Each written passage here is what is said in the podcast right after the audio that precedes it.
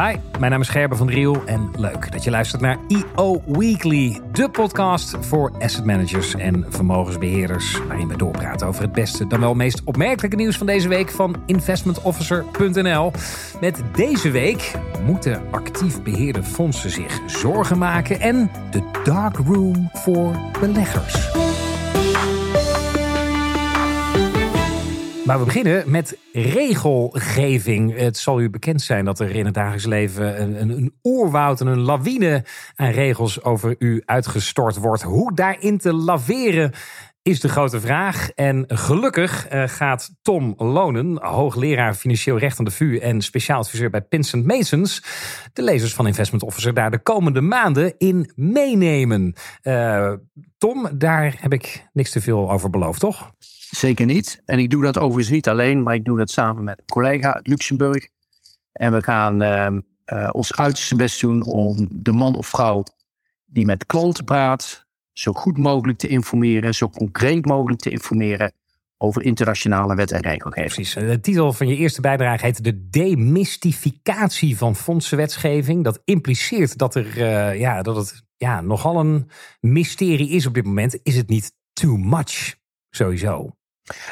Nou ja, kijk, wat je, ik, ik, ik heb jaren bij, uh, bij een bank gewerkt. Ook veel uh, aan de klantkant gezeten. En ja, ik had vaak het gevoel dat ik over, overdonderd werd met allerlei nieuwe regels en verplichtingen.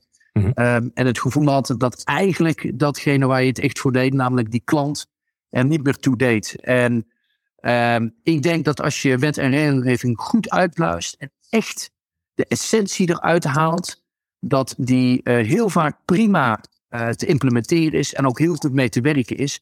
En dat is wat uh, mijn collega Jan en ik gaan proberen zo kort en bondig weer te geven zodat het ook praktisch blijft. Ja, nou, ik, ik denk wat jij nu zegt, dat zullen veel mensen herkennen. Ik, ik ben zelf ooit zelf ook private banker geweest in een ver verleden. En je krijgt al heel snel het idee van, joh, ik zit hier toch een, een, een papieren tijger te voeden. Daar word je, word je helemaal gek van. En wie gaat hier ooit naar kijken? Wat heeft dit nou überhaupt voor zin? Uh, herken je dat sentiment? Nou, ik, weet je, ik, kijk, ik kan wet en regelgeving natuurlijk niet veranderen. Hè? Ja. Uh, ja, dat is een parlementair, parlementair proces waar we doorheen gaan. Mm -hmm. uh, daar hebben we voor gekozen, dus dat is het. Maar wat we wel kunnen proberen is om de echte belangrijke punten eruit te halen en je daarop te wijzen. Let hier nou in de praktijk op, want daar gaat het eigenlijk echt om. En heel veel, als ik heel eerlijk moet zeggen, is soms ook ballast uh, en kun je gewoon vergeten. Juist. Ah, oké. Okay. Kijk, kijk, kijk. Maar als je daar, als je dat onderscheid goed weet te maken, dan kun je dus inderdaad, zoals jij in dat stuk ook betoogt, concurrentievoordeel halen. Is dat inderdaad de kern van de zaak? Nou, dat is niet de kern van de zaak, maar ik geloof echt dat als je je zaken goed op orde hebt, en daarmee bedoel ik je processen, je begrijpt wet en regelgeving goed, je anticipeert daar ook op, mm-hmm. dan um, betekent dat dat je niet in die, wat we tegenwoordig remediatie, oftewel hersteloperaties terechtkomt, waarbij je eigenlijk alleen maar bezig bent om informatie van je retail of je institutionele klant te vragen om maar weer die dossiers op orde te krijgen bijvoorbeeld. Maar dat je eigenlijk veel beter daarop kunt anticiperen en dat je weet, nou volgend jaar gaat dit een belangrijke rol spelen, laten we die informatie nu alvast uitvragen. Dan heb ik dat op orde en kan ik eigenlijk gewoon weer door met mijn klant. En dat is wat wij bedoelen met um, concurrentievoordeel. Heel veel partijen, beleggingsondernemingen, lopen vaak achter de feiten aan. En als je die wat beter probeert te anticiperen, dan, uh, ja, dan denk ik dat dat veel voordeel oplevert. Yes, dus ik bedoel, het is gewoon een feit. Anno 2023, wetgeving speelt een belangrijke rol. En ik hoor jou zeggen, als je gewoon on top of things blijft, die anticipeert er goed op, dan zul je ook gewoon je klanten goed kunnen blijven verdienen met arbeidsvreugde. Want dat is een van de belangrijkste dingen. Uh, daar gaat het dus om. Als ik een beetje arbeidsvreugde terug kan geven, dan zal ik dat doen. Kijk, mooi, mooi. Dan gaan we nu al meteen keihard aan werken. Althans, niet nu meteen. Want straks wil ik graag met je een, concreet, een concrete casus bespreken. Een concreet stukje regelgeving waarvan je denkt van... nou jongens, daar kan je dus slimmer mee omgaan. Dat straks. Omgaan met regelgeving kan een uitdaging zijn. Maar omgaan met klanten kan ook een uitdaging zijn... Met name als ze zich zorgen maken over hun beleggingen in het licht van de recente bankenonrust. Ik praat erover met Koen Bender van Mercurius Vermogensbeheer, die onderweg is eh, naar klanten om ze, ja, hoe zeg je dat, tot rust te manen, Koen? Of waar ben je naartoe op weg? Nee, ik heb een andere afspraak. Niet met, uh, met, met relaties. Soms uh, moet je ook bouwen aan het bedrijf. Daar gaat het nu om. Dus uh, niet, niet met klanten, maar een andere zakelijke afspraak. Oké, okay, maar heeft de telefoon roodgloeiend gestaan de afgelopen periode met die bankenstress, met onrustige klanten? Nee, er is een enkel telefoontje geweest om te vragen hoe de situatie bij de depotbanken is in het geval van insolventie van de depotbank. Uh, nou ja, de depotbanken die wij gebruiken zijn uh, in Singapore voor Saxo Bank en, en, en, en, Julius Baer. En nou ja, dat, dat hebben we allemaal aan relaties uitgelegd. Dat hun vermogen, zolang belegd, niet op de balans staat van de bank. Dus ook niet in gevaar zou zijn in het zeer onwaarschijnlijke, doch niet uit te sluiten geval dat er iets misgaat bij de bank die bewaarder is. Juist. Nu viel me op in het artikel wat, uh, wat verscheen op Investment Officer... dat jij de bankaire sector de dark room voor beleggers noemt. Wat bedoel je daarmee? Je weet bij een bank, zeker bij een bank die ook een uh, groot kredietbedrijf heeft... of bijvoorbeeld investment services, zoals uh, je weet nooit exact met wie ze zaken doen en, en, en wat daar de risico's van zijn. Je hebt wel een momentopname hoeveel kredieten eruit staan... en hoe die kredieten gerate zijn... Maar dat, dat is een snel, uh, ja, dat zijn snel schuivende panelen. Mm-hmm. En uh, op het moment dat zij leningen hebben uitstaan waar ze op moeten gaan afboeken, ja, dan, dan kan dat uh, heel snel de situatie veranderen. Waar je als belegger niet direct zicht hebt in het leningenboek. Dus ja, ik, dat vind ik een bijdrage aan, aan, aan die dark, dark room. Ja, daarnaast, wat we in het verleden gezien hebben, is dat er toch ook heel vaak transacties plaatsvinden die dan achteraf toch weer niet helemaal door het beugel lijkt te kunnen. Um, hoe vaak hebben banken niet boetes gehad voor dingen die uh, ze een aantal jaar geleden misschien nog wel onder een andere CEO, een ander managementteam gedaan hebben, die dan leiden tot uh, uh, berispingen of megaboetes. Mm Dus ja, uh, in de leningensfeer, wat nu redelijk actueel is, zijn Ernst Jong heeft een boete gekregen voor voor Wirecard. Nou, welke Nederlandse banken hadden inderdaad kredieten uitstaan naar Wirecard toen Wirecard onderging? ABN AMRO en ING waren, hingen allebei, uh, allebei aan de lat. Ja. En uh, nou, dat, dat zijn typisch van die voorbeelden. Dat wil je als belegger liever Nee, dus is het dan ook, want je zegt ook in het stuk, wij beleggen niet in banken. Ondanks het feit dat natuurlijk al die banken eh, een tikje naar beneden hebben gehad op de beurs. Uh, ondanks dat heb jij ze, pik je ze niet op om die reden, Koen? Je vertrouwt het niet wat dat betreft? Nee, nou ja, goed. Je, je, je, spreekt ook wel eens mensen die dan zeggen van ja, dividendrendement op banken is geweldig. Maar ja, banken krijgen boetes. Als ze boetes krijgen of als ze moeten afboeken om of hun balansverhoudingen moeten verbeteren. Ja, dan, is, dan ben je als, als dividend ontvangende belegger als eerste de klos. Ja. Want dat, dat schrappen ze dan vaak als eerste. En dat maakt het voor mij dus niet aantrekkelijk, ook al is die, die, die koers nu ogenschijnlijk lager, een stuk lager. Een, een, een, jaar of tien, elf geleden dachten beleggers bij SNS eh, dat ook. Dat ze een fantastisch dividendrendement zouden krijgen. En dat het koopje van de eeuw was. Mm -hmm. nou, dat is alles uitgepakt. En uh, ik denk bij uh, veel beleggers in Credit ook. Ja, nou goed, uh, tot slot. Uh, ik heb afgelopen vrijdag letterlijk mijn bloedeigen schoonmoeder nog moeten proberen uit te leggen. Want die maakte zich echt zorgen over die banken en vallen ze niet om. Moet ik mijn geld niet verspreiden? Weet ik wat allemaal. Kun je me helpen, Koen? Uh, wat is jouw ja, bezweringsformule. Wat moet ik nou zeggen om iemand gerust te stellen dat het wel meevalt met die bankenstress? Nou ja, dat uh, zolang je je spreidingen goed op orde hebt en, en je niet laat verleiden tot uh, banken die misschien een heel hoog rentepercentage betalen, want uh, dat, er is no free lunch. En alle, alle basisprincipes blijven, blijven toch van kracht. Zorg dat je daar ook gespreid bent. en zolang je binnen die bandbreedtes blijft en aan die ankerpunten voldoet, denk ik dat uh, zelfs jouw lieve schoonmoeder uh, gerust kan gaan slapen. Kijk, Koen Bender, dankjewel. Goede reis en graag tot de volgende. Goed gespreid beleggen, dan uh, denkt menigeen meteen aan ETF's. Um, uh, kind aan huis in menig portefeuille al sinds jaar en dag, zou ik zelf denken. Maar wat blijkt, het wordt steeds meer een onderdeel ook van portefeuilles van institutionele beleggers. Uh, blijkt uit een uh, survey uitgevoerd door Brown Brothers Harriman, Amerikaanse private investment bank. Voor de tiende keer deden ze hun Global ETF Investor Survey, Roman Frenke. En daaruit blijkt een ja, duidelijke trend. Hoe ziet die trend eruit? Nou, de trend is toch wel heel duidelijk, want dat uh, institutionele beleggers uh, eh, ETF's ook omarmd hebben als een product wat goed past in hun beleggingsportfolio. Ja, ik, ik zou zelf denken, want ik ben een, natuurlijk zelf particuliere belegger. Dus uh, ja, voor mij zijn ETF's al kind aan huis. Dus ik was in die zin nog wel een beetje verrast dat dat dan kennelijk ja, nu nog steeds een soort van nieuws is. Dat ze dat nu pas tussen aanhalingstekens omarmen. Hoe zit dat precies? Nou ja, pas. Uh, eh, ETF's zijn een product wat eigenlijk een, jaar of twintig eh, geleden in de markt is gekomen. Als in feite een, eh, een, een, een, een dom mandje aandelen dat, dat in index spiegelt. Mhm. En dat je daarmee bijvoorbeeld in een index kan beleggen. Ja. de afgelopen jaren zijn die producten toch wel behoorlijk wat meer sophisticated geworden.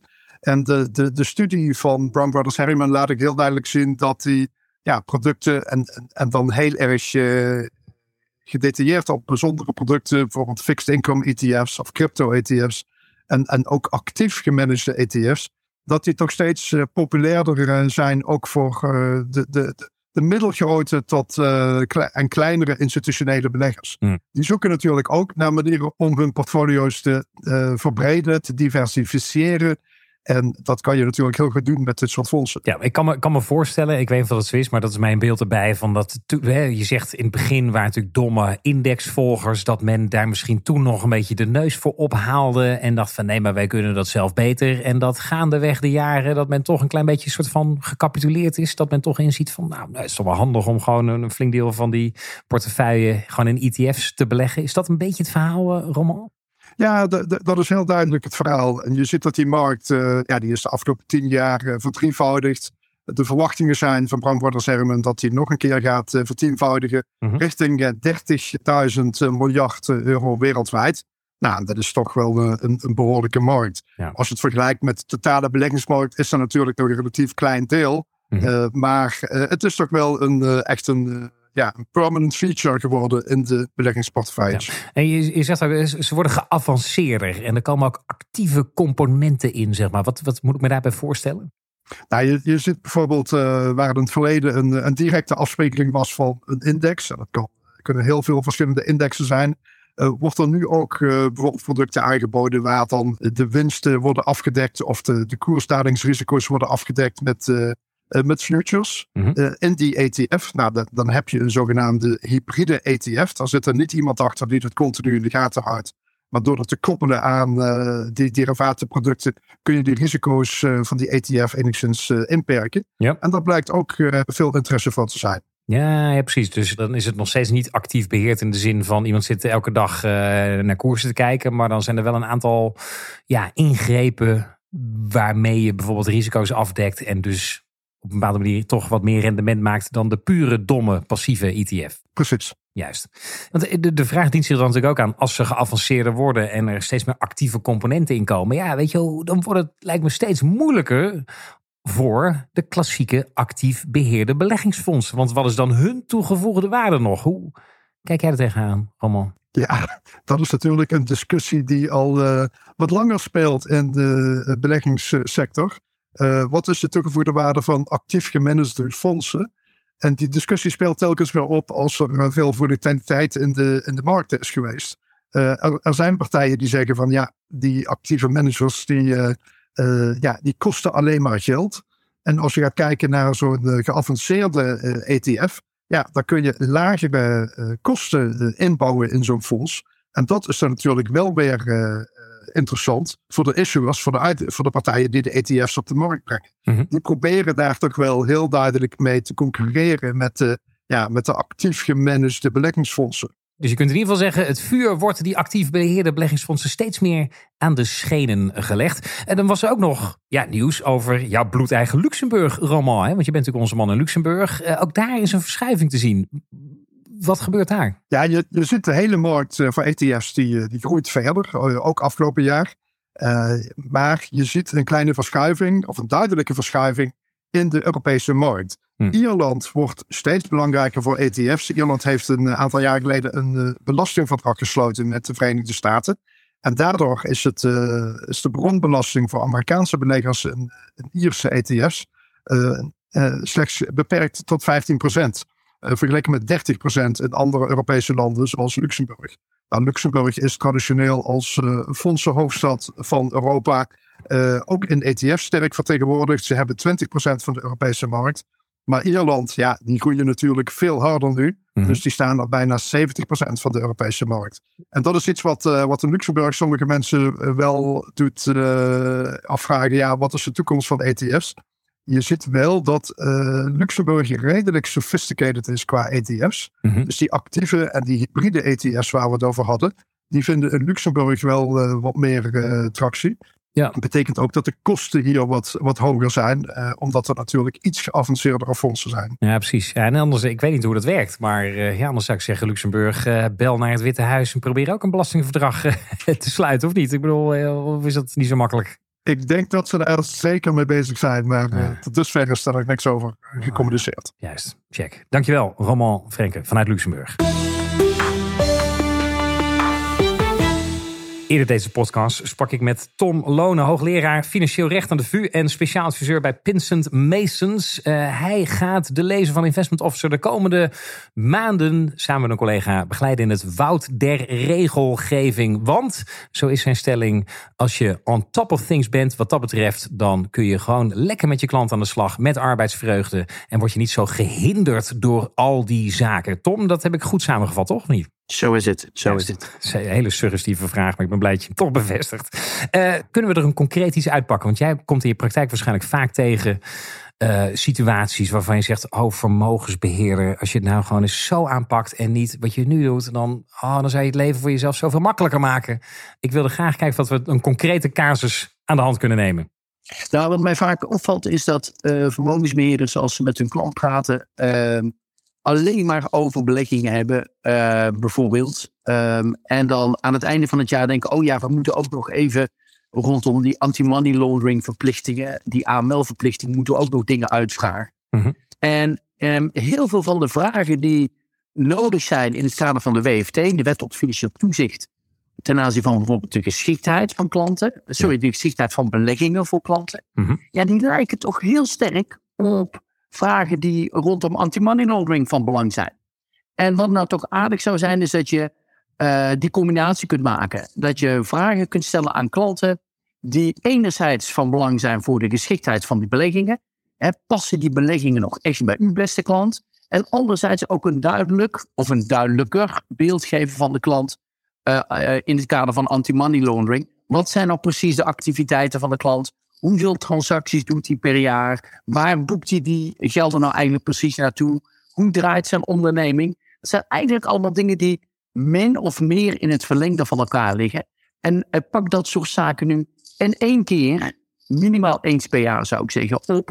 Um, noteer die goed, analyseer die en leg die vast in systemen, zodat het een soort continu proces uh, is en blijft. Ja. En het verbaast me vaak dat dat toch vaak allemaal reparatiewerkzaamheden zijn. Kijkend over de schouder, wat hebben we niet uitgevraagd? Oh ja, dat moeten we ook nog hebben, beste klant. Probeer daar nou een, een, een, een soort lopend uh, proces van te maken. Wat ook bij de klant veel professioneler overkomt. Ja, precies. Want kijk, de, dan praat ik ook weer vanuit mijn eigen eh, private banking verleden. De perceptie is vaak dat die regelgeving een soort van haak staat op je praktijk. Maar ik hoor jou dus zeggen, dat is niet zo. Verdiep je er nou eens in. Het ligt redelijk in dezelfde lijn hè, in dit voorbeeld. En dat kan je heel makkelijk spelenderwijs meepakken. Als je er maar van tevoren bewust van bent. Begrijp ik. Bijvoorbeeld een onderwerp als duurzaamheid. Ik bedoel, we weten allemaal dat er hele zware duurzaamheidscriteria op ons afkomen als ze er al niet zijn. Mm neem dat nu mee in je gesprek met de klant. Of dat nou een institutionele klant is of een retail klant, dat maakt niet zoveel uit. Um, vraag wat de klant precies wil met zijn of haar geld. Uh, wat daarvan belang is, welke criteria ten aanzien van duurzaamheid daar een belangrijke rol in speelt.